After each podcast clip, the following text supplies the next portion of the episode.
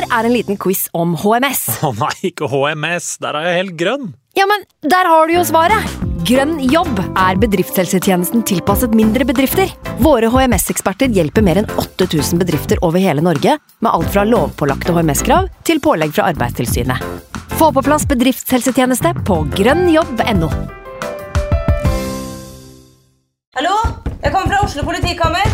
Ine Jansen er purk. Er du purk? The motherfucking bitch. Alt jeg vil, er å finne ut hva som skjedde med mannen min. Jon Carew. Er jeg sikta for noe? Iben Akeli. Det er du. Ole So, Lars Berrum og Big Daddy Karsten. Hvem sin side er du på, egentlig? Anette Hoff, Tone Danielsen, Kommer du fra Afrika? Jørnis Josef, Nesten. Kløfta. Trond Espen Seim, Det er synd å si det, men det var feil mann som døde. Purk. Premiere tirsdag på TV2 Play. I can't believe it. Football, bloody hell.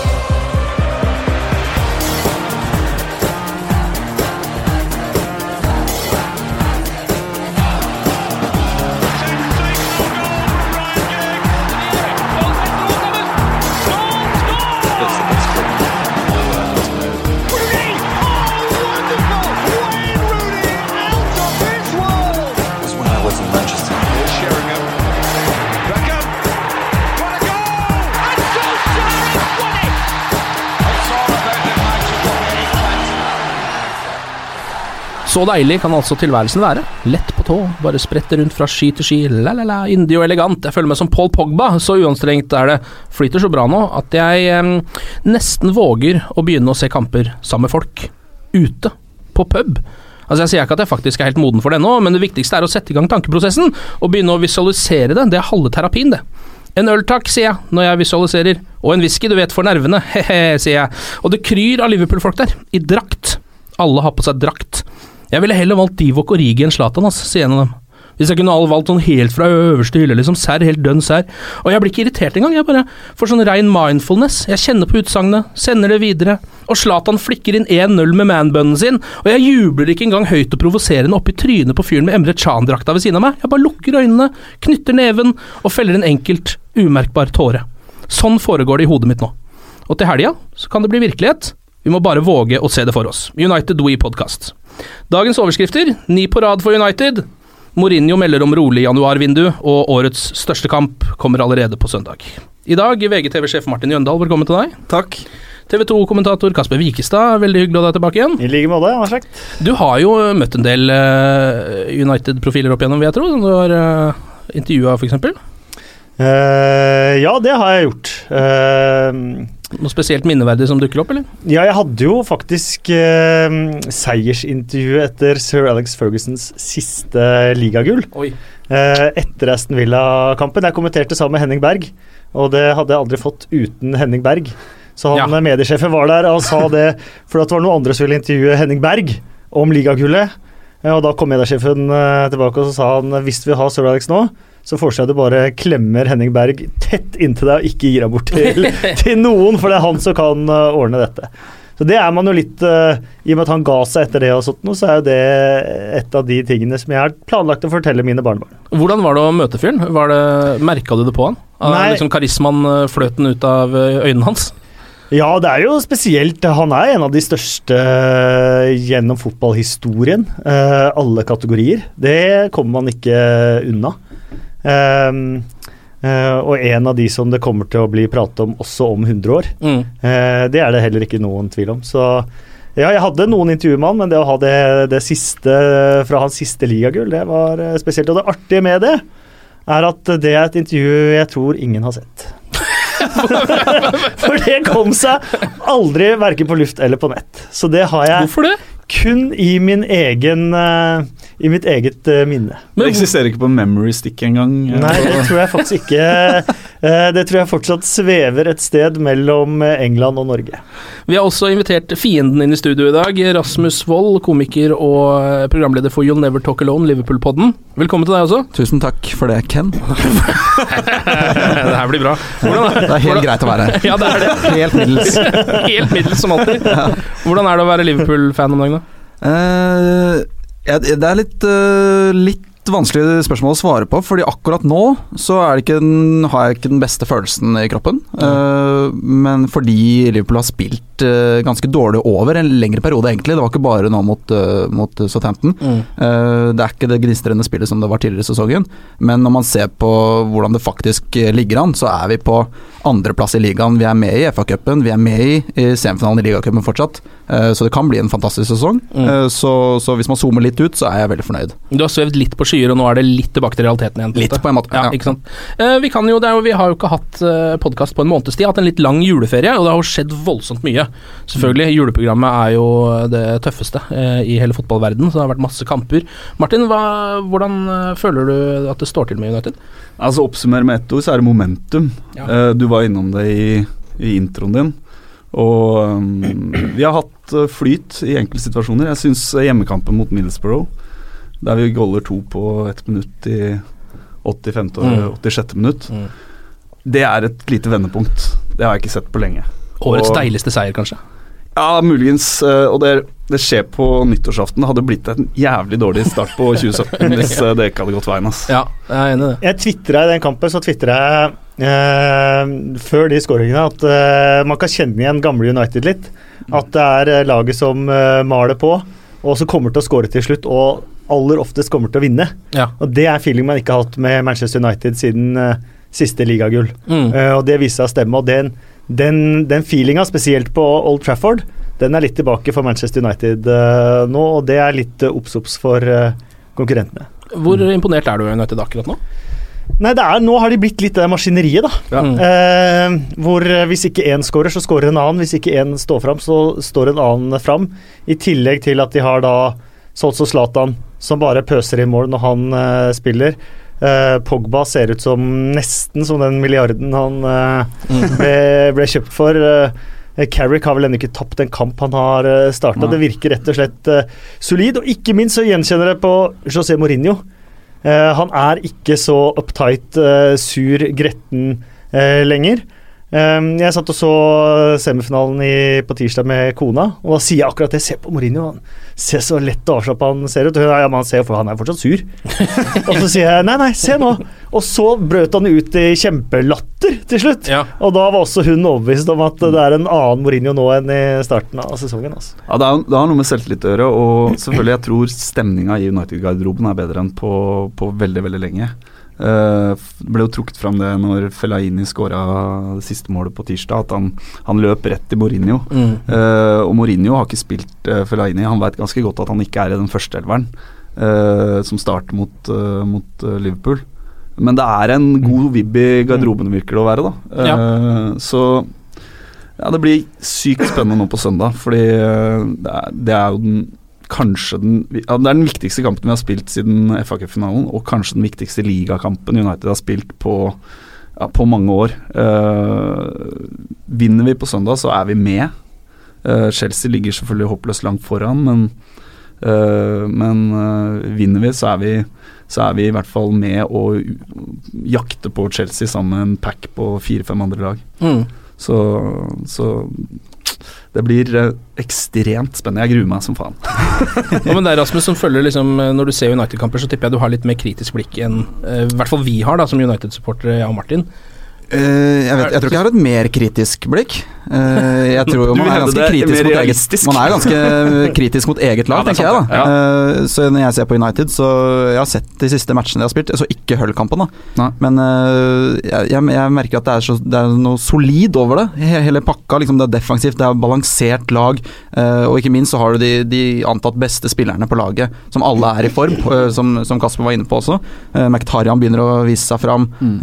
Du har jo matchvinnere i, i begge ender, som ikke minst kommer til å Eller kan i hvert fall bli avgjørende på, på søndag. Eh, mens Liverpool er i helt andre enden. Eh, foran det opp, motsatte oppgjøret da, på Anfield tidligere i år, så var det helt motsatt. Da var Liverpool eh, spilte gnistrende fotball. Ja, ja. Jeg tenkte at de kom til å vinne hver match. Hvor mye kommer de til å vinne, tenkte jeg. Ja. Eh, nå aner jeg ikke hva som skjer, mens eh, sånn er det litt med United nå, at dere lurer på hvor mye slår vi Hull, ikke sant, hvor mye Mens Mm. momentum er helt snudd, eh, og jeg gruer meg veldig. Eh, men når det er sagt, da, så, så er jo dette en match hvor formen kan gå litt ut av vinduet. Eh, At det kan bli Ja, ja. så intensivt og hardt og brutalt, uh, og fysisk, ikke minst, uh, hvor United har en stor fordel, i min bok i hvert fall. Um, Men det kan også gjøre at, at Liverpool har en sjanse. Jeg klamrer meg til det lille Men det, det, viser jo, det viser oppgjøret på Anfield tidligere i høst. Altså, det, som du sier, Liverpool hadde enormt momentum inn mot den matchen, og United Mourinho hadde ikke funnet uh, det beste elveren sin ennå. Og jeg tror alle United-fans eh, realistisk sett eh, var redd for å gå på et ordentlig tap i Mm. den matchen. Ja, jeg, jeg, jeg gleda meg til Ja. å møte United, og det, det gjør jeg ikke nå i det hele tatt. Jeg har grua meg lenge, og jeg kommer til å grue meg helt til søndag. Men Liverpool mot de beste lagene, Det er det det. er en ja. egen, Og så har vi en eh, liten greie. brasilianer tilbake også, som kan eh, Det er det, det er de små, de små frøene jeg, jeg klamrer meg til, da. Med at, at vi er gode mot topplag. Eh, Vi har en Sturridge som, som har en dødelig fot, hvis han får én sjanse. Mm. og vi har Coutinho tilbake. eh, og mest sannsynlig Henderson også. Men tror du Sturridge starter på søndag? Jeg tror det. Jeg tror, øh, jeg tror øh, han kan være den tunge på vektskålen, for han trenger bare den ene sjansen øh, med venstrefoten. Eh, det er ikke sikkert i det hele tatt. Jeg vil si at det er 60-70% sjanse for Sturridge og resten for Origi. Mm.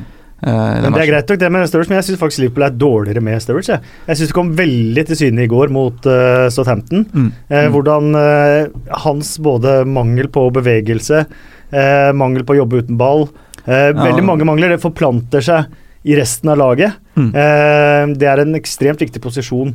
Eh, I hvert fall også Klopp eh, spiller, der Firmino, Firmino har vært forbilledlig. Mm. Eh, mens Sturridge ja, han er en fantastisk avslutter. Eh, men sånn som Liverpool vil spille, og spesielt kanskje i en sånn match som på søndag, Mm. så syns jeg han ødelegger mer enn han bidrar, faktisk. Helt klart, og det jeg må si til det også, det er jo en mulighet for at man rett og slett skroter eh, begge spissene. eh, og går tilbake Ja, det til det som funka i starten av sesongen, nå som Coutinho er tilbake. Dytter Lallana fram som de har gjort litt i det siste. Mm. Så har du Lallana og Coutinho på hver sin side av Firmino. Ja. Og kjører Chan, Wijnaldum og Henderson som nå er tilbake. ja, for Henderson er tilbake. Han er tilbake og starter nok. Han er i trening, Matip er tilbake i full trening, men kommer nok ikke til å starte, tror jeg. Mm. Uh, for han har vært for lenge ute. Henderson har ikke mista så mange kamper. Mm. Uh, Så, så det er jo en mulighet for å, for å få som Kasper sier, for å få spillet til å se, se ut som en enhet. Det har det ikke gjort på lenge nå. Det har vært altfor enkelt å forsvare seg mot.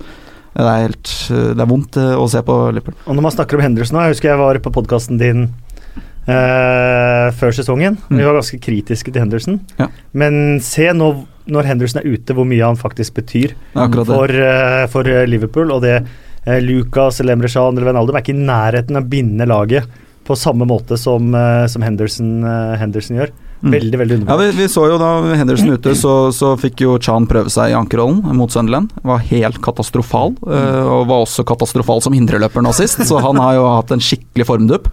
Eh, mens Lucas fikk sjansen i ankerrollen nå sist, og var Lucas eh, lik, hvis man kan si det sånn. Jeg, er jo, Lucas er Lucas. jeg hater jo ikke Lucas, jeg, men, eh, men han, han gjør en eh, ålreit jobb. Men kommer til å Han er ikke han har ikke, det er ikke høy nok kvalitet på den spilleren. Nei. Så det, Henderson er tilbake, tror jeg er veldig viktig. Eh, på samme måte som, som eh, Carrick sin rolle i United. Ja. Det er viktig, viktigere enn man tror. Han skal ha for det, Henderson. Også, det kommer jo fra en United-supporter, men da han tok over kapteinspinnet til, eh, til Liverpool, så tenkte jeg at han ikke hadde kvalitetene til å eh, bære det på skuldrene sine. Da. Ja. Mm. Men det har han jo vist at han har på mange måter. Han er jo en Altså Han vist seg å være en, en, den viktigste midtbanespilleren deres, kanskje. da Bortsett fra Lallane, kanskje, i denne sesongen her. Ja, ja, helt klart.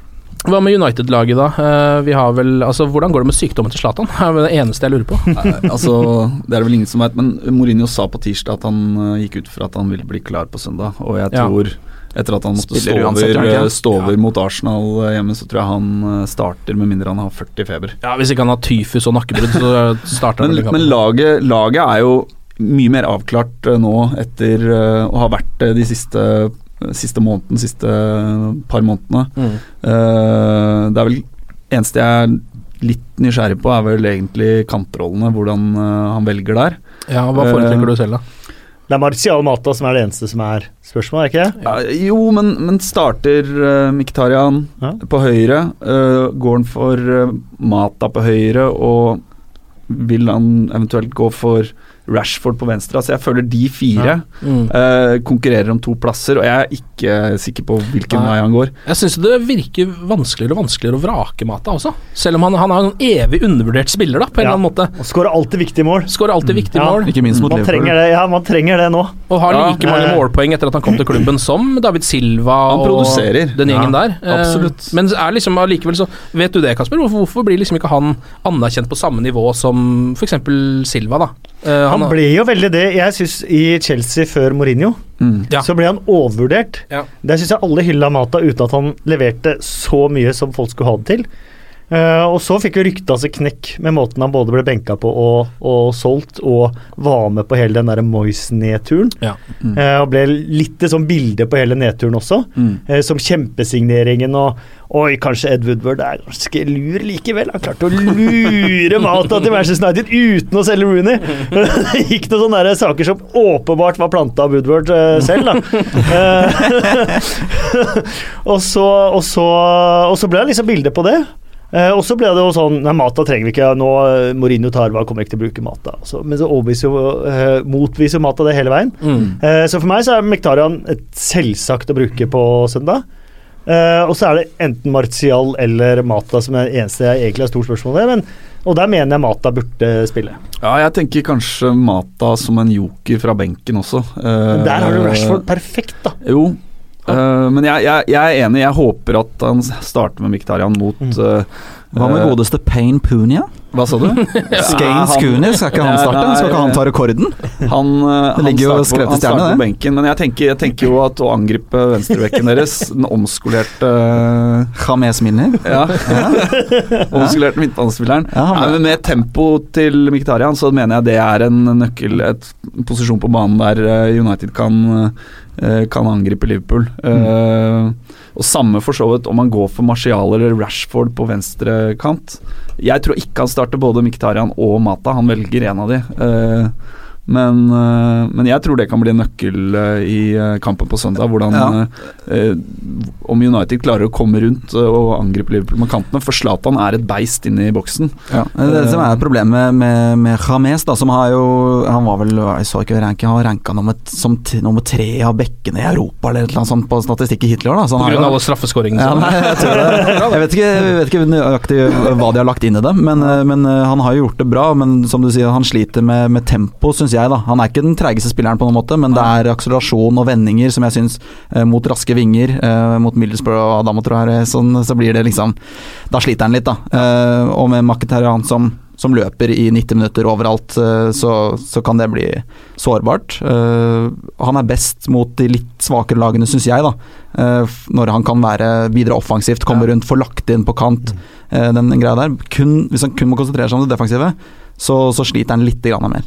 Og det tror jeg Jeg tror og håper at uh, kampbildet på søndag vil være annerledes enn hva vi opplevde på Anfield. Mm. Da, da var jo United Det var jo United som gikk inn for det kampbildet, da. Ja, ikke sant. Og, men, men Paul Trafford så må vi jo angripe. Vi må gønne Mm. på og prøve å uh, utnytte I den grad Liverpool har svakheter, så er det jo mer defensivt på banen. Offensivt har det jo det meste funka bra, kanskje med Ja, unntak av de siste av de siste kampene. ja. Så det er helt, helt uh, Så liksom gå i strupen uh, på Men det kan jo også være det som gir Liverpool en sjanse, da, i og med at de er fantastiske på kontringer.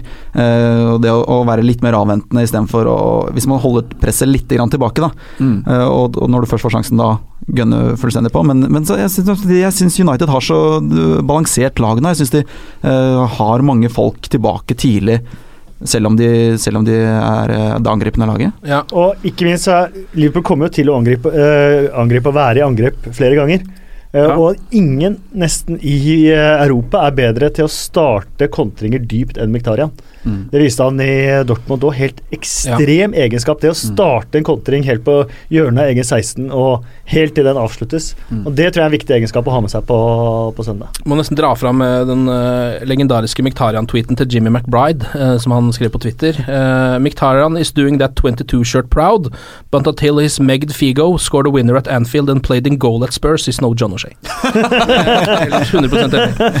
Helt enig i det. Uh, vi kommer jo til å bruke denne poden på varre, som vi allerede har merka, varme opp til Liverpool. Jeg klarer ikke å eh, snakke om noe. Liverpool United-kampen, som er det store nå. United-Liverpool. Ja. Men jeg tenker at vi kanskje vi kan se litt grann på de siste kampene til Manchester United også. Um, Er det noen høydepunkter fra juleprogrammet, bortsett fra skorpionskåring til Miktarian, som noen vil dra fram? Ja, der var jeg jo. Du var på kamp. Ja, jeg var på Old Trafford i, i romjula. Eh, Snakker vi om offside-skåringen nå? Vi snakker om Ja, gjør det. vi gjør det, ja, vi gjør det. Ja, ja. Jeg holder 100% med Morten Langli, som tviholder på det offside. Ja. Ja, det ble Robin van Persis eh, mål mot Aston Villa. Der var jeg for øvrig også kåret til årets mål. Det var vel eh, offside, det òg. Ja, det var kanskje det. Noe marginalt. Uh, det var en fantastisk uh, scoring og opplevelse å se. Samtidig, hvis jeg får være han eh, litt kjipe, Ja, ja. Eh, så må jeg si eh, stemningen på Old Trafford har jo ikke vært mm. veldig god eh, de siste årene, sånn generelt. Uh, også fins det selvfølgelig unntak. Mm. Men mot uh, Sunderland der, det er eh, faktisk noe av det verste jeg har vært borti sånn atmosfæremessig. Mourinho gikk vel ut nå etter kampen mot Hull òg, Ja, og ga en liten reprimande. Merka meg, og det er helt riktig. Mm. Og det skulle han kanskje gjort uh, før.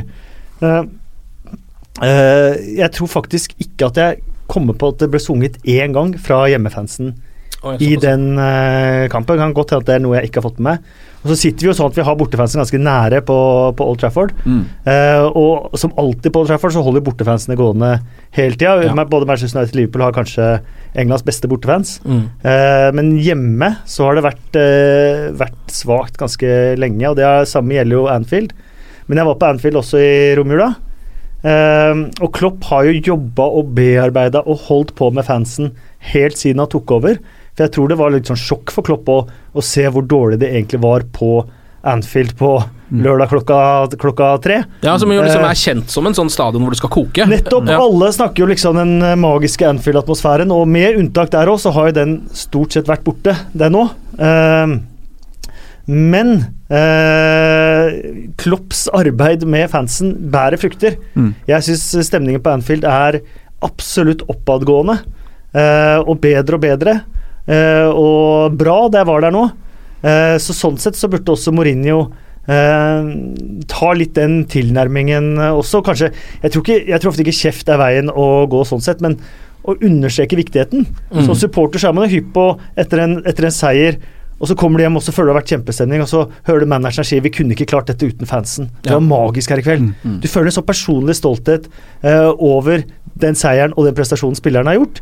Og det er det man må ta med fansen på, eh, som både spillere og managere. Og der syns jeg Klopp har vært dyktig. Eh, og der har også Mourinho en jobb å gjøre, for potensialet er jo enormt Mm. hvis man får i gang Stretford End og, og annet. For at når, når det først er stemning på, på Old Trafford og hele stadion synger, så er det jo Det blåser deg vekk Mm. fra stolen.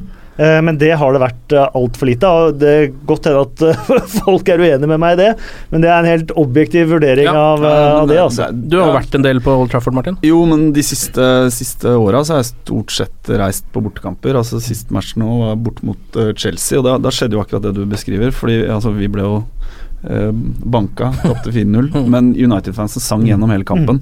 Conte uh, Ja. klaga på Chelsea-fansen, for han Mm. hørte bare United. Mm. Uh, og Mourinho gikk jo ut i kampprogrammet i matchen etterpå og eh, takka og Mm. unnskyldte Mm. til samtlige som eh, var der, fordi uh, Mm. uh, altså det, det er en av de bortekampene jeg har vært på med best stemning Mm. i, i United-svingen.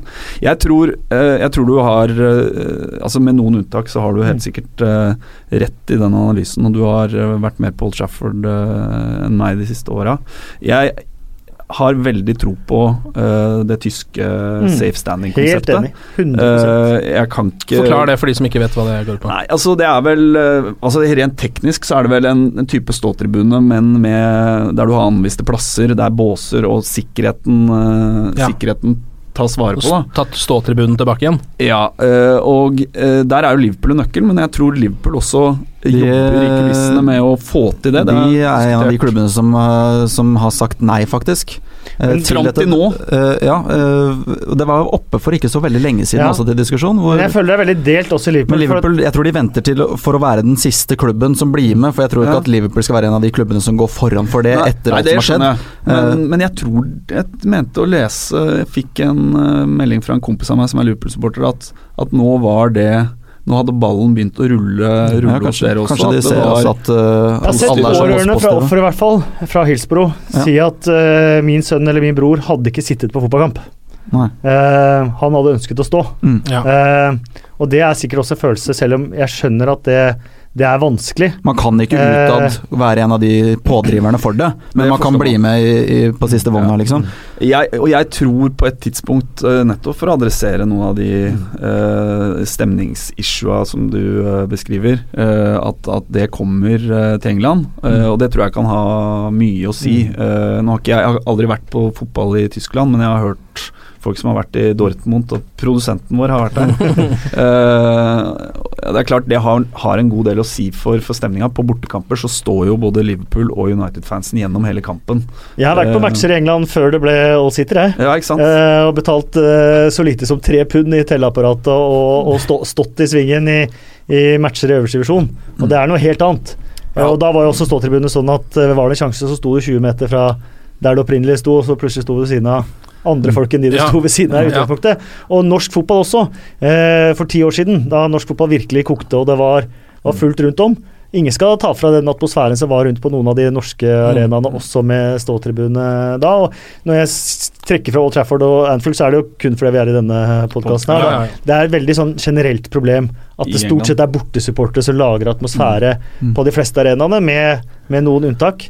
Um, Og en sånn løsning der du får en, en uh, ståtribune, ståtribune f.eks. på Stretford End Lower med plass til fem, seks, kanskje 10 000 og kanskje eh, lavere billettpriser i tillegg. Kanskje lavere billettpriser. eh, Bedre priser for, eh, for eh, unge folk Mm. fra, fra Manchester-området. Altså da vil du også tiltrekke seg de som ønsker å stå på fotball, de som Mm. ønsker å synge. Og da skaper du en uh... Men det er jo noe med energi når du står òg. Du får jo mye mer energi. Du får mer lyst til å veive med arva, rope og synge og, og hele den pakka der. Det er noe med energi når med en gang du sitter. altså, Ja. ja, ja. Så kan du like så godt se på TV, tenker jeg. liksom Og så lenge du ivaretar den sikkerheten som, eh, som all, alt indikerer at tyskerne har løst med det systemet.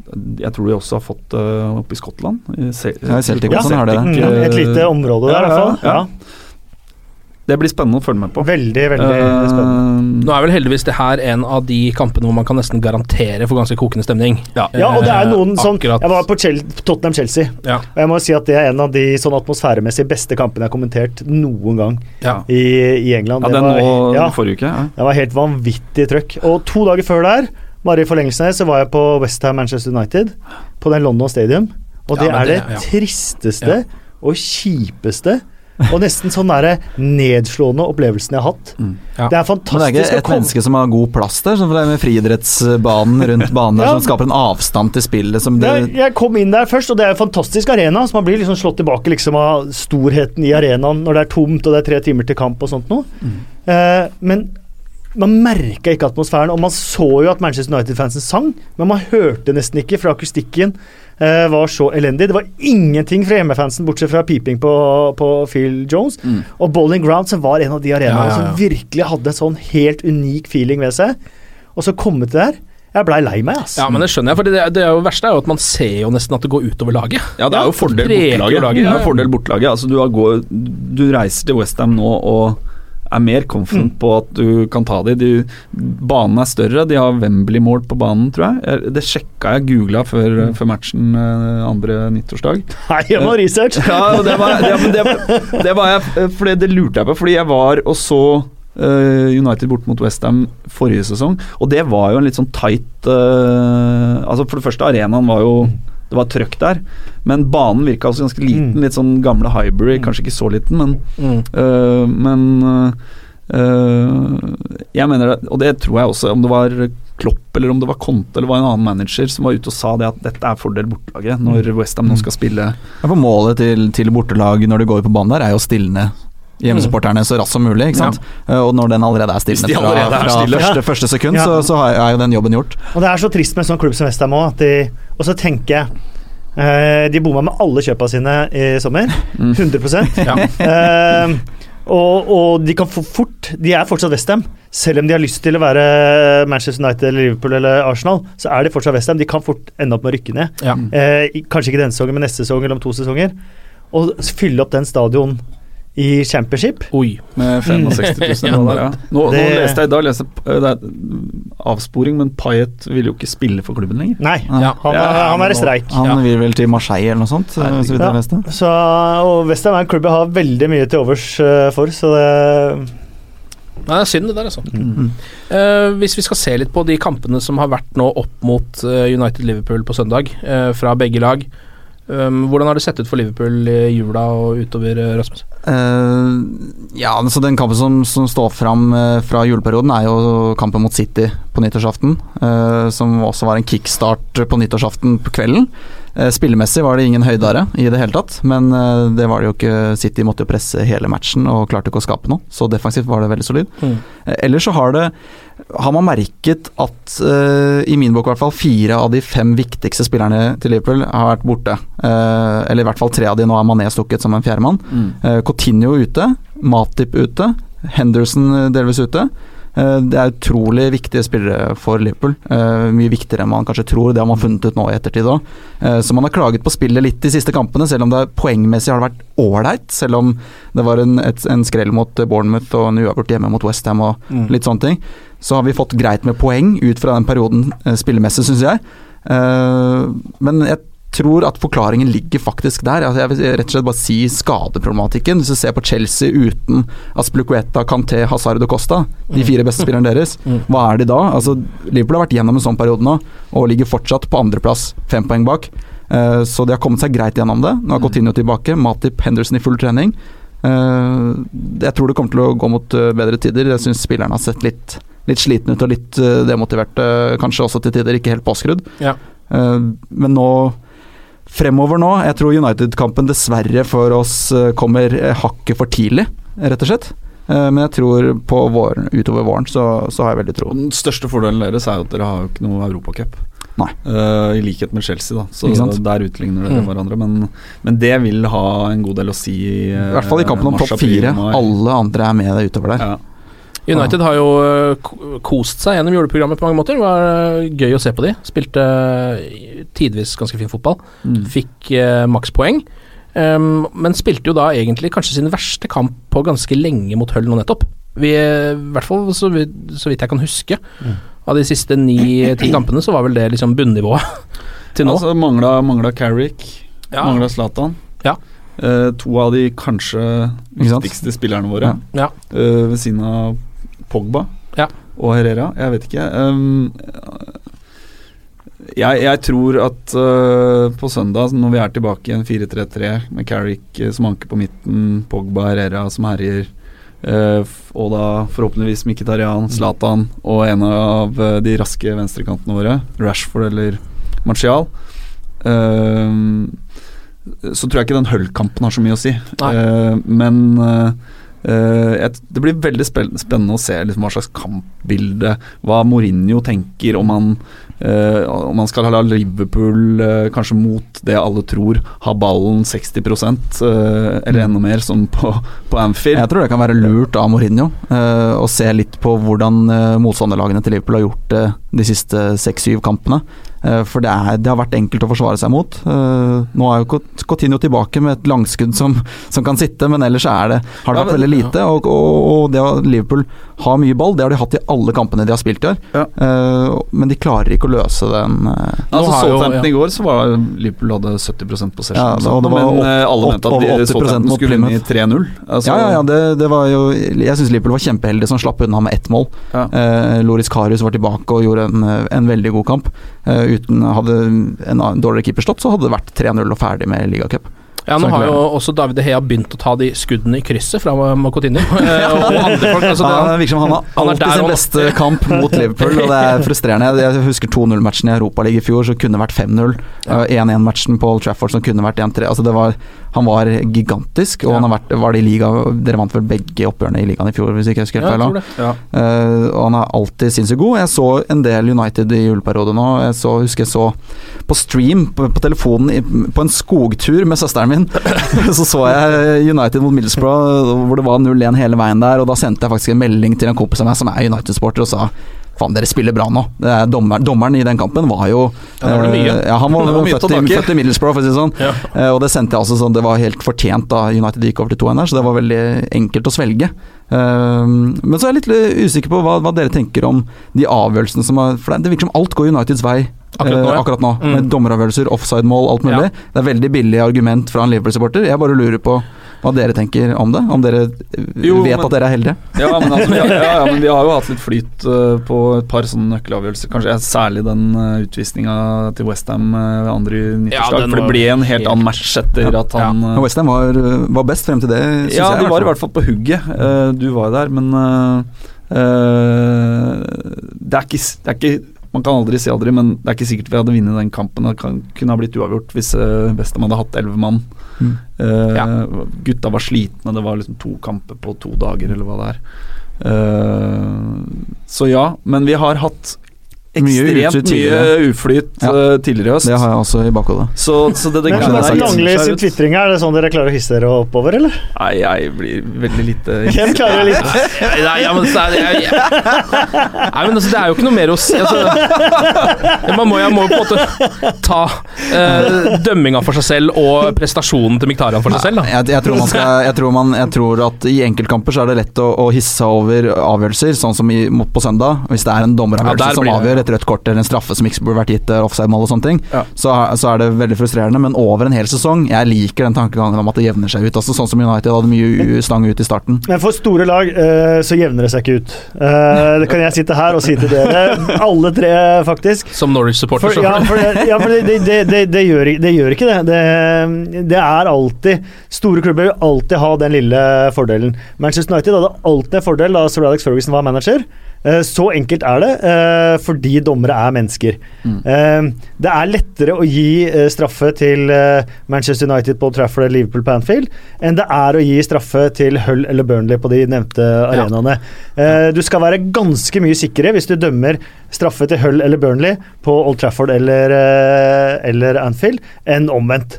Eh, og sånn er det. Men Også da- de gangene man har litt uflyt med det, Ja. det er ofte dommere med markeringsbehov som skal vi eh, vise at de ikke lar seg påvirke Ja, ja, av men de da har, vi, da har vi hatt en god del sånne dommere i høst. Altså, vi i United har færre straffer i Premier League Ja. hittil i år. Og Og, flest claims. flest claims. Ja.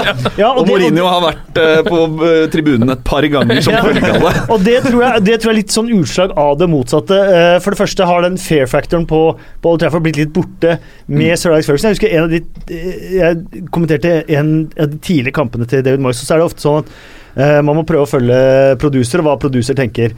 Uh, en claim uh, for straffe til Manchester United. Et par repriser, og så ordentlig zooming inn på David Moyes. Og så, Jeg skjønner hva produsenten tenker, jeg tenker det samme sjøl.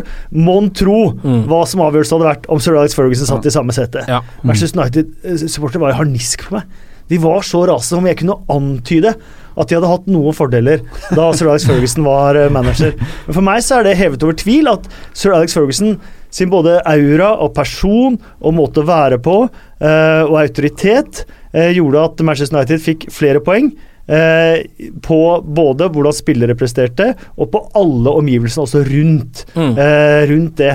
Eh, men så er det selvfølgelig masse unntak som, eh, som bekrefter reglene, han har sagt. Eh, men eh, jeg har holdt av med et lag da som ikke har fått straffe på to og tre år i, i Premier League. Ikke sant? Så, Nå kommer dere inn i 16-meteren. og har vært veldig frustrert over, over mange sånne. Så, så jeg føler at Fikk vel en straffe mot Liverpool i fjor? I Ja, 5-4-matchen. Ja, ja, det gjorde det faktisk. Og, eh, men, men Manchester United og Liverpool-sportet, jeg føler at de har veldig lite å klage over over tid. Ja. Men, men det jeg lurer på, da, eh, om- det, dette pratet til Mourinho på pressekonferanser etter match og i sonen og sånn, eh, hvor han ofte da har vært kritisk til dommere og sånne ting, om du tror det også har noe å si eh, på, på påvirkning av dommere? Og det er grunnen til at han gjør det. Ja. Og det er smart. Mm. Uh, det er hans jobb. Hans jobb er jo også å påvirke dommere, og påvirke alt i omgivelsene hans til å uh, slå hans vei. Det er jo en del av det å være manager. Så når Mourinho gjør de tingene, så er han smart. Mm. Og, og det kan godt hende at han også får betalt seinere i sesongen på de, de tingene. Det er, ikke, det, er ikke, det er ikke veldig enkelt Og så tenker du er det straffe, er det straffe, er det ikke straffe? Hvis jeg ikke dømmer straffe her nå, hvis jeg ikke dømmer rødt kort her nå, eh, så kanskje jeg må stå over neste runde, eller kanskje jeg ikke får eh, dømme Manchester United på, på tre måneder. Eh, sånne ting som Mm. Det var faktisk et par dommere som ikke dømte Manchester United. Eh, Ja. Eh, så, uh, så, det- så det er liksom Så hvis, hvis han er hard på det når man ikke har flyten på de tingene, så kan det godt hende man får betalt uh, for det neste gang. Og så sier jeg ikke at dette er sånn bevisst fra noe som helst, men som sagt, det er kun mennesker som holder Ja. på med dette her. Og Mourinho er flink til å drive med de tingene når han er i det humøret han er i nå.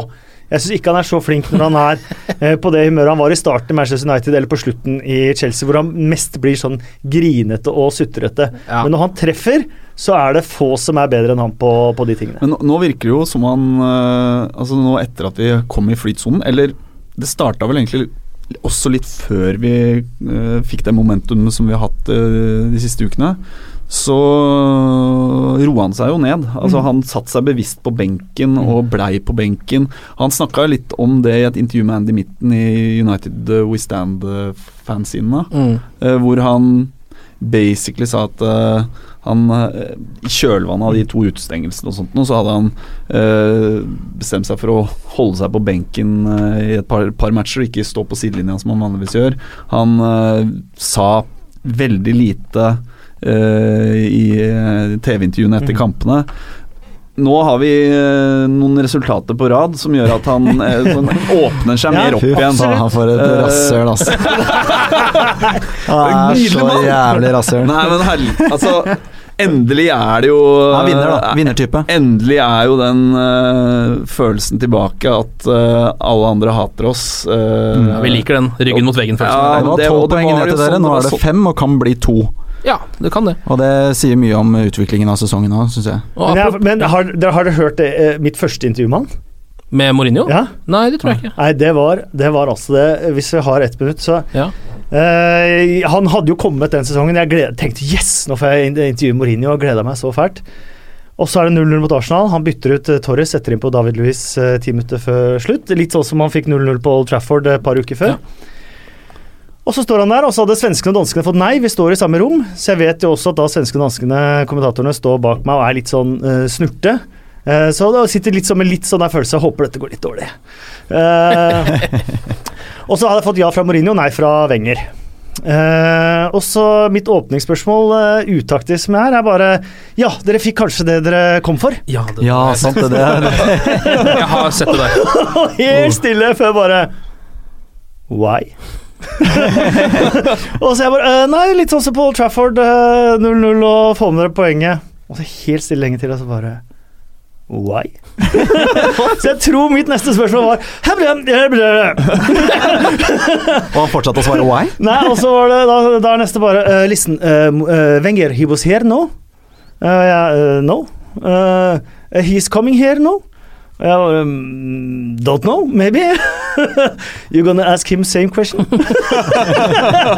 Ja, det et eh, maybe. Og det var, det var vondt, men så er han jo fair mot meg, for han ser jo at jeg sliter. Eh, svarer veldig ordentlig på to neste spørsmålene lenge og drar fra med et uh, smil. Og jeg syns han er helt sin fulle rett også til å svare som han gjør. Eh, og Mourinho, jeg, jeg liker han fortsatt, selv etter at han hadde meg så opp i tauene. Altså. Men du som følger med på dette her så tett, Kasper, og også er mer objektiv enn vi andre her. hvem er best nå? Hva tror du om kampforløpet, og hvem vinner? Det syns jeg er ganske spennende. Jeg tror at for et par uker siden så tenkte Liverpool eh, at dette her, dette vinner vi. Eh, vi har aldri hatt bedre sjanse til å vinne den eh, matchen. Jeg tror nå etter det som har skjedd de, neste, de siste par ukene, så tror jeg Liverpool-fansen kommer med en sånn Vi tar gjerne ett poeng. Ja.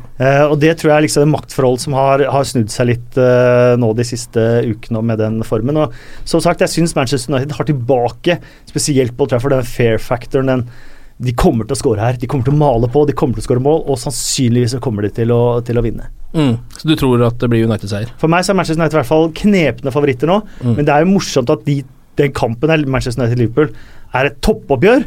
Uh, det er ikke, har vi ikke vært Det har ikke alltid vært det. nå. Nei, det har ikke vært det nå de siste årene. Og, og Det har ikke at vært det er skyld, helt åpent, og at det er helt åpent Eh, det syns jeg er helt fantastisk med den kampen. Og så syns jeg det er innmari kult at de har lagd både Everton Man City og den på samme dag, så det er liksom Mercyside mot Manchester-dagen. det er. Eh, Det er hyggelig for politiet ute i de eh, på kvelden der. Nei, jeg, må- jeg må De skal si krysse meg- hverandre opp og en tilbake. Si meg helt enig med Kasper. Altså, jeg jeg tvitra det selv også. Eh, Jeg tar ett poeng med glede. Ja, du frykter kampen. Eh, Og det var det også det jeg sa. Eh, Jeg, jeg frykter kampen. Uh, Selv jeg, jeg, jeg er positiv. Jeg er alltid en tålmodig, optimistisk supporter. uh, Men akkurat den matchen her så tror jeg man må være realistisk og si at ett poeng borte mot Old Trafford, hvis du ser på formen til lagene, kvaliteten, eh, skadesituasjonen, litt sånne ting, så er ett poeng veldig bra for Liverpool. Og, og jeg frykter også at eh, United har flere vinnerskaller. De har Zlatan, de har Pogba, de har folk som står fram ordentlig, som Kasper var inne på i starten også. At om ikke den ene gjør det, så gjør den andre det. Eh, der, er litt, der har Liverpool slitt litt i det siste. Det, det har vært en svak periode. Ingen har liksom stått fram og vet du hva, jeg tar de målene her. Den perioden her, liksom. Mm. Ingen har gjort det. Så jeg, jeg tar ett poeng med, med glede. Martin? Altså, jeg frykter kampen. jeg, jeg frykter alle kamper vi møter Liverpool, uavhengig av form eller statistikk i forkant. Eh, samtidig så er dette en eh, gigantisk mulighet for United til å opprettholde momentumet sitt og melde seg på. Ikke i hvert fall i kampen om en topp fire og Champions League, men kanskje også melde seg på en outside chance til et ligagull Mm. eh, i debutsesongen til Mourinho. Ja. Men da må vi vinne på søndag. Chelsea da har må jo- helst Chelsea har Liverpool slå Chelsea om to uker. Også, så, så, så hvis Liverpool skulle overraske og, og Chelsea går på en smell bort mot Leicester, så er det to poeng opp til gull. Altså, det er jo det er mange scenarioer her. Jeg er bare halvspilt, altså. Ja. Eh, For meg er både Manchester United og Liverpool med i kampen om uh, ligagullet, og jeg håper jo, for meg som øh, jobber med dette her som eh, vil ha at alle skal være sånn superinteressert, så håper jeg at det blir så mange som mulig med så lenge som mulig. Ja. Eh, tenk deg tenk deg tre kamper igjen, og fem-seks lag kunne vinne i Ja, Premier League. ja. Tenk hvor vilt det hadde Ja, vært. men det må, før, vi, før vi runder av, det ser ut som du er på, på avrundingens vei, Ken, så må jeg jo bare si at den matchen her også er viktig når det kommer til veddemålet mellom meg og Martin, Ja, ja, som vi inngikk eh, i sommer. Eh, Før Pogba, Zlatan, Bailly, ble, Mkhitaryan ble henta. Eh, og ikke minst Mourinho også, tror jeg. Det var før han kom. eh, Nei, Mourinho var var klar, tror jeg. Eller, han var der kanskje? Ja, jeg tror det var Eh, hvor vi har et veddemål gående om hvem som havner øverst på tabellen, og det laget som havner Altså, øverst. Hvis ja. Liverpool havner øverst, så må Martin spandere Ja, eller over. Altså, Chelsea kan vinne Ja, ja, ja. ligaen. Høyest er Liverpool og eh, United. Veddemålet vårt sin del, men den klubben som havner øverst, Ja. Da skal Får vi åtte poeng ned til dere nå, så betaler Martin eh, reise for meg over, og vi skal se på Liverpool United neste sesong på Anfield. Blir det to poeng, så er det helt åpent om jeg må spandere på tur på Martin eh, til Old Trafford. Oi, er oi, såpass høye stakes, ja. Ja, det er det er, det er veldig bra stake. Det er bra å legge, Ja. putte litt i Men det. det blir en eh, Nei, det blir jo ikke noe hyggelig tur. Nei, jeg vet ikke om eh, Dere får ta en lower league-kamp eh, Ja, hvor dere kan kose dere Det er et sammen. dødfødt-prosjekt, selvfølgelig. altså, jeg liker deg som uh, menneske. Ja, jeg liker deg også. Men eh, ja, nei, vi får se. Det blir en tur. Det blir en tur, og den Dra skal seg du betale. dart! Dra seg dart! Kos dere. Ta noen kjappe transfernyheter før vi også skal jo eh, så vidt innom eh, tidenes United-spillerkåring. Skal ta én match der i dag også. Um, Mourinho har vært ute og sagt at det sannsynligvis ikke blir så mye kjøp for United i januarvinduet. Det blir, eh, kommer til å være en selgende klubb, er det uttrykket han har brukt. Um, det er vel kanskje greit, eller? Han eh, sier det at nå har de kjøpt såpass mye spillere, må prøve å spare litt penger også. Høres jo Jo. fornuftig ut. Men ligger ikke, ligger ikke i kortet at vi skal uh, få igjen penga for uh, Schneiderlin? Uh, Ja, han er vel så klar for Everton nå. mest mulig av penga for uh, Depay. Mm. Og så skal uh, Schweinsteiger, hvis ikke han vil noe sted, så skal han få lov til å bli med hyggelig ukelønn. eh, For en spiller å ha i bakhånd hvis eh, Carrick skulle Ja. få en skade, eller så kan man sette på en tysk men- verdensmester. Men det Men vi- kommer jo til å blåses penger i sommer. Ja, ja, vi, skal, vi, skal jo, vi går jo for Grismann. Mm. Uh, det tenker jeg er helt uh, åpen, åpenbart at, uh, Mm. at ligger i korta. Han er bestekompis med Pogba. Broren er United-fan. Jeg veit ikke om han er det, men Som han er, han, arvtaker til Zlatan, eller? Beckham var hans, hans helt uh, når han vokste opp. Eh, jeg veit ikke om han jeg tenker at I kantposisjon så har de Rashford Martial må få spilletid og utvikle seg videre. De, begge to kan bli så gode de bare vil. McTarian har henta inn for mye penger og er kvalitet som skal, selvfølgelig skal spille. Uh, Lingard har aldri vært der for meg. Uh, jeg er veldig glad hvis jeg ser han i startoppstillingen på søndag. Uh, Mata er jo en fin Jeg blir kanskje backup neste sesong. Må jo, det må jo bli en slags direkte konkurrent. Ja, altså, men han kan jo spille spiss eh, i en 4-3-3 òg. Ja, ja, og det så at han er eh, 35. Og jeg tror, jeg tror du må på en måte være realistisk i forhold til hvis du skal erstatte, eller i hvert fall finne en spiller som kan spille mer enn Zlatan eh, i neste sesong. Det blir Europacup neste Så- sesong òg, ikke sant? Så, må du, så må du Det er ikke så mange å velge mellom. I, hvis du skal velge fra øverste hylle. Ja, Det tror jeg også er derfor man tenker ikke handle i januar, hvor øverste hylle enten Ja. er utilgjengelig eller koster tre ganger så mye. Så bare ta det rolig nå, og så bare fleske til med tre nye verdensstjerner i, Ja, i sommer. vi, må ha, vi må ha en, en spiss, en grismann. Uh, vi må ha en uh, erstatter til Carrick. Vi må finne en verdensklasse midtbanespiller som kan uh, levere i den eh, dype midtbanerollen. Uh, også en back eh, av eh, topp, topp eh, klasse. Det, det ville vært en perfekt eh, sommer eh, for meg. Men vi trenger ikke gjøre det nå. For å bygge en liten bro her, Rasmus. Mm. Hvis du en, Si én Manchester United-spiller du har elska og idolisert. Elska Og og idolisert. Da du var liten, Er det- er da du var liten så tenkte pass? du ikke Du tenkte ikke klubb da. Uh, jeg har, det Problemet er at jeg alltid har hata United. Jeg har alltid hata United. Har du ikke én Manchester United. United-spiller som du har vært sånn glad i? Jo, i? Jeg må si Patrice Evra. Nei, det skal jeg holde meg langt unna svaret. Ehm, jeg er veldig fan av Mkhitaryan. Så, du, ja, Å ja, han er, dagens, altså. så han er tidenes United-spiller for deg, eh, Mkhitaryan? Eh, ja, og det sier ganske mye. Altså, Hva med dere? Nei, altså Jeg har et veldig enkelt uh, svar på det spørsmålet. Fordi um, det var jo et tidspunkt der jeg uh, elska Paul Ince. Eh, men jeg slutta å Ja, men elske det er et veldig, diplo, dip, diplo, det er et veldig diplomatisk svar. Jeg har spilt på begge klubber. ja, jo, men, Nei, men det, det er vanskelig. Det er vanskelig Altså Jeg vil jo aldri Jeg, jeg også Michael Owen har jeg jo vært uh, sinnssykt fan av i hele oppveksten min. Uh, hele familien min feiret jo uh, bursdagen hans 14.12. hvert år og spiste napoleonskake. Alle, alle seks i min familie. Og jeg, fikk et ovenflagg da jeg var på Anfield for første gang i 97. Og så dem spille mot Sheffield Wednesday på hjemmebane, hvor Oven scora. Eh, og, og søsteren min har vært forelsket i han, og han har hatt en sånn spesiell standing. Så Men dere jeg ligner kanskje bitte litt i ansiktet? ja, tusen takk for det. Eh, nei, eller er det takk å si? Jeg vet ikke. Kjedeligste mann på jord, i hvert fall. Eh, nei, han har jeg virkelig idolisert, da, rett og slett. Eh, så har det jo skjedd ting som har gjort at han ikke har den standingen hos meg lenger, nå. Vi holder på med med, med United. Men klarer ikke du heller, Ken? Og Eh, en, men mine er sånn eh, Kenny Dalglish, eller Nei, men jeg, jeg, nei, han altså, I hvert fall ikke. Altså En Liverpool-spiller som jeg virkelig har likt. Ja. John Barnes. Ja. Han elska jeg selv om han spilte for Liverpool. Det var Min eneste brobygging, så var det Ken som kom. og Han ble bare kløfta dypere. Det- Beklager det.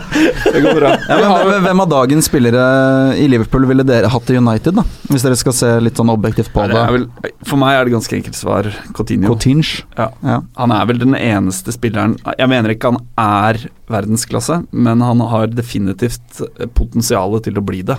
Ja. I Manchester United. Nei, men vi skal jo ikke ha han! Vi skal jo ikke ha han. Jeg vil jo ikke ha han. Nei. Jeg tror jeg må hive meg på han. Altså. Jeg er også glad i Lalana, eh, men han er på en måte ikke ypperste verdensklassespiller. Kommer aldri til å bli det heller, tror jeg. Eh, som er det jeg helst vil ha til Manchester United. Ja, nå har jeg et rykte i dag om at eh, Barcelona og PSG og sånn ligger langflate etter Lallana. Det er rykter, Ja, ja. det er Ja, silly det er season, men uh, um, hvis jeg skal svare tilbake, så, så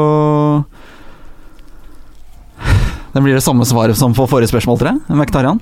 Ja. Eh, Han var jo linka litt til. Liverpool og sånn, var det ikke Ja, han var det, og, og Klopp henta han vel til Mm. Dortmund også, og ja, det er Spillestilen hans også hadde glidd smertefritt inn i Liverpool med, med pressingen, og så har han jo var årets spiller i Bundesliga i fjor med sinnssyke målpoeng. Mm. Eh, og med Mané ute i, i Gabon, er det vel det spilles nå, er det ikke Mm. det? Så hadde han vært en fantastisk spiller å ha inne.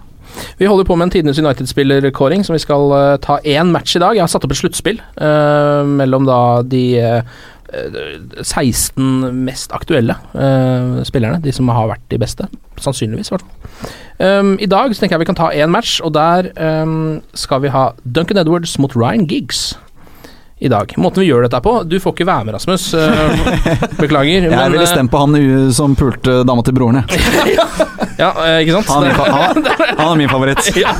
Virker som en fiffi. Stem på han. Håper han vinner. Kan noen skru av den mikken? Få- da- i- Gjeng med rasshøl der borte.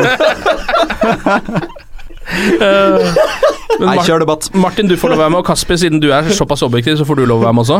Dere får lov å gi ut to mål hver, uh, som dere kan gi hvordan dere vil. Altså enten ett til hver spiller, eller to til en av de.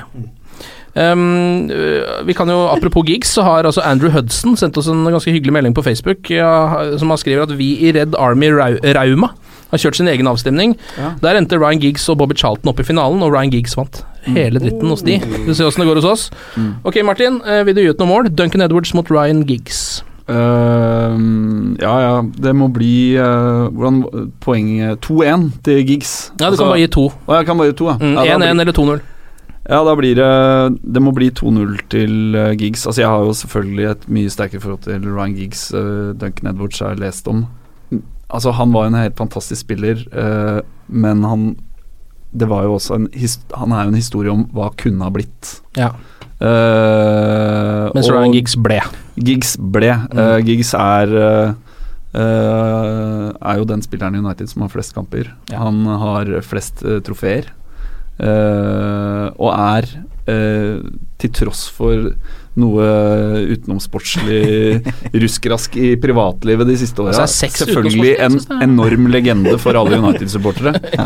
Uh, og jeg er helt sikker på at hvis det hadde hatt nyhetens interesse, så hadde man funnet uh, noe rusk uh, på noen av disse. Liverpool-gutta de Og siste ikke 20 minst åra. på Duncan Edwards. Spice Boys i hvite dresser, altså hva de bedrev på fritida, det kan man bare spekulere i, men Balotelli er jo en lojal type, tror jeg, som på privaten. Nei, men gig, Giggs, eh, Giggs er en, eh, en eh, United-legende og en legende i internasjonal fotball. Han har respekt i alle leire. Han Respekt for også, som spiller, det må jeg si. klubbspiller. Ja. Absolutt. Min uh, høyeste og dypeste respekt. Ja, så, så det er eh, 2-0 til Giggs. Ok, Kasper, da er det 2-0 til pause. Uh, ja, Uh, nei for all del sportslig gigs uh, FA-cupmålet på Villa Park, alt det han har Alt det han har uh, gjort. Samtidig så Jeg, jeg syns jo det utenomsportslige her er verre enn veldig mye av det andre utenomsportslige man, uh, man har lest om, da. Mm. Uh, han spilte ikke en, land, en, en privatlandskamp for Wales før han hadde passert 25 landskamper. Eh, han var på en måte ikke Bale som virkelig Nei. brant for dette her. Han spilte, spilte kun hvis han, han måtte. og den der utenomsportslige, den derre til og med bryllupsnatta var han innom, liksom. Eh, og det var, og det Han var var, bare innom, da. Altså, det det var, var, det var flere år. Og Ja. i tillegg i det forsoningsmøtet hvor han ikke skjønte at han hadde gjort noe sånn særlig galt, i hvert fall ifølge broren. da. Ja.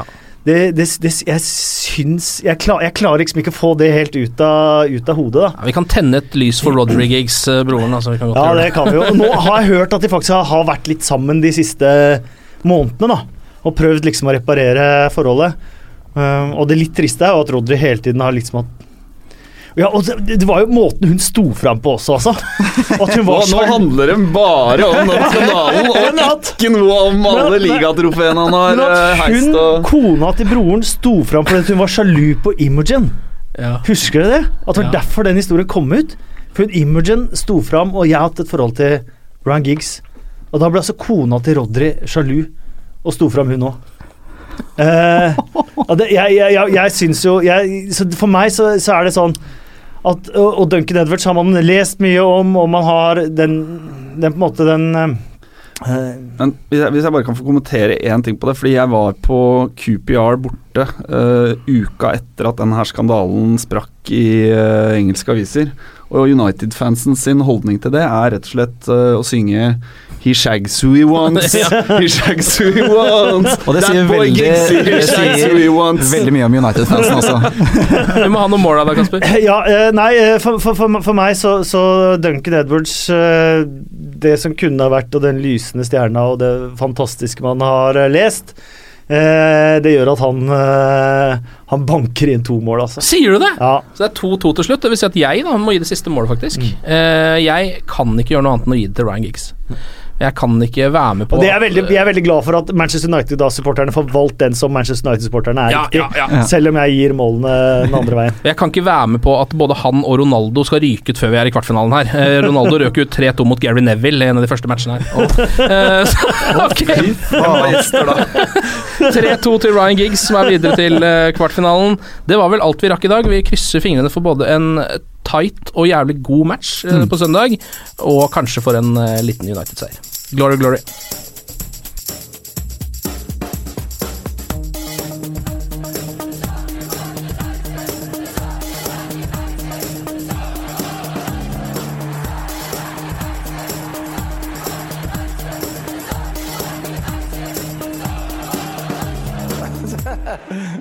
True. I've seen many things. Ukens annonsør det er matkasseleverandøren Hello Fresh. Der kan du velge mellom 25 ulike oppskrifter hver uke, eller få Hello Fresh til å sette sammen en meny for deg. Jeg sparer tid på å handle, oppskriftene er veldig enkle å lage, og så får jeg akkurat det jeg trenger da, til hver eneste rett, så jeg slipper å kaste så mye mat som jeg vanligvis gjør. Det er også litt deilig å faktisk slippe å gå på butikken, ikke bare fordi det er tidkrevende og sånn, men fordi man ender opp med å kjøpe så mye greier som man egentlig ikke trenger, sånn som fire poser eh, Smash og en kick med havsalt, eksempel. Det er ikke det du egentlig er der for, du er der for å kjøpe, kjøpe middag. Så det er en veldig eh, kjekk ting. I tillegg så er det jo eh, ferdigporsjonerte ingredienser, det blir mindre matsvinn, og du betaler bare for det du faktisk trenger, og det du faktisk da spiser. I tillegg så blir det da levert på døra eh, til et fastsatt tidspunkt, sånn at du kan få det akkurat når det passer for deg eh, sjæl. Hvis HelloFresh høres ut som noe for deg, så har jeg en rabattkode du kan bruke også. Gå inn på hellofresh.no og bruk koden HelloUnited24. HelloUnited i ett ord, også 24, og få opptil 1779 kroner i rabatt på de fem første matkassene dine hvis du ikke har prøvd Hello Fresh ennå. Du kan også bruke koden hvis du tidligere har vært kunde, men har stoppa abonnementet ditt for tolv måneder siden eller mer. Det er ingen bindingstid, og du kan pause eller avslutte abonnementet ditt akkurat når du selv måtte ønske. Husk koden HelloUnited24, og bon appétit! Ukens annonsør er Folio, en smartere banktjeneste for deg som har en egen bedrift eller ønsker å starte for deg selv. Folio er en superenkel nettbank for bedrifter. Som kunde i Folio får du en bedriftskonto med et bedriftskort og app. I denne appen er det smarte løsninger som forenkler regnskapet ditt, uansett om du har en liten bedrift eller et enkeltpersonsforetak. Folio er både intuitivt og brukervennlig, og er laget med et enkelt språk. I tillegg tilbyr de forutsigbare priser og ingen skjulte gebyrer. Skulle du likevel trenge det, så kan du snakke med deres raske og hyggelige kundeservice, og der får du prate med en faktisk person og ikke en chatbot. Folio er med andre ord både enklere og koseligere enn banken. Over 10 000 bedrifter har allerede valgt Folio som sin banktjeneste, så besøk folio.no og se hvordan Folio kan forenkle din hverdag også. Har du et enkeltpersonforetak eller en liten bedrift? Da er du sikkert lei av å høre meg snakke om hvor enkelt det er med kvitteringer og bilag i fiken, så vi eh, gir oss her, vi. Fordi vi liker enkelt. Fiken superenkelt regnskap.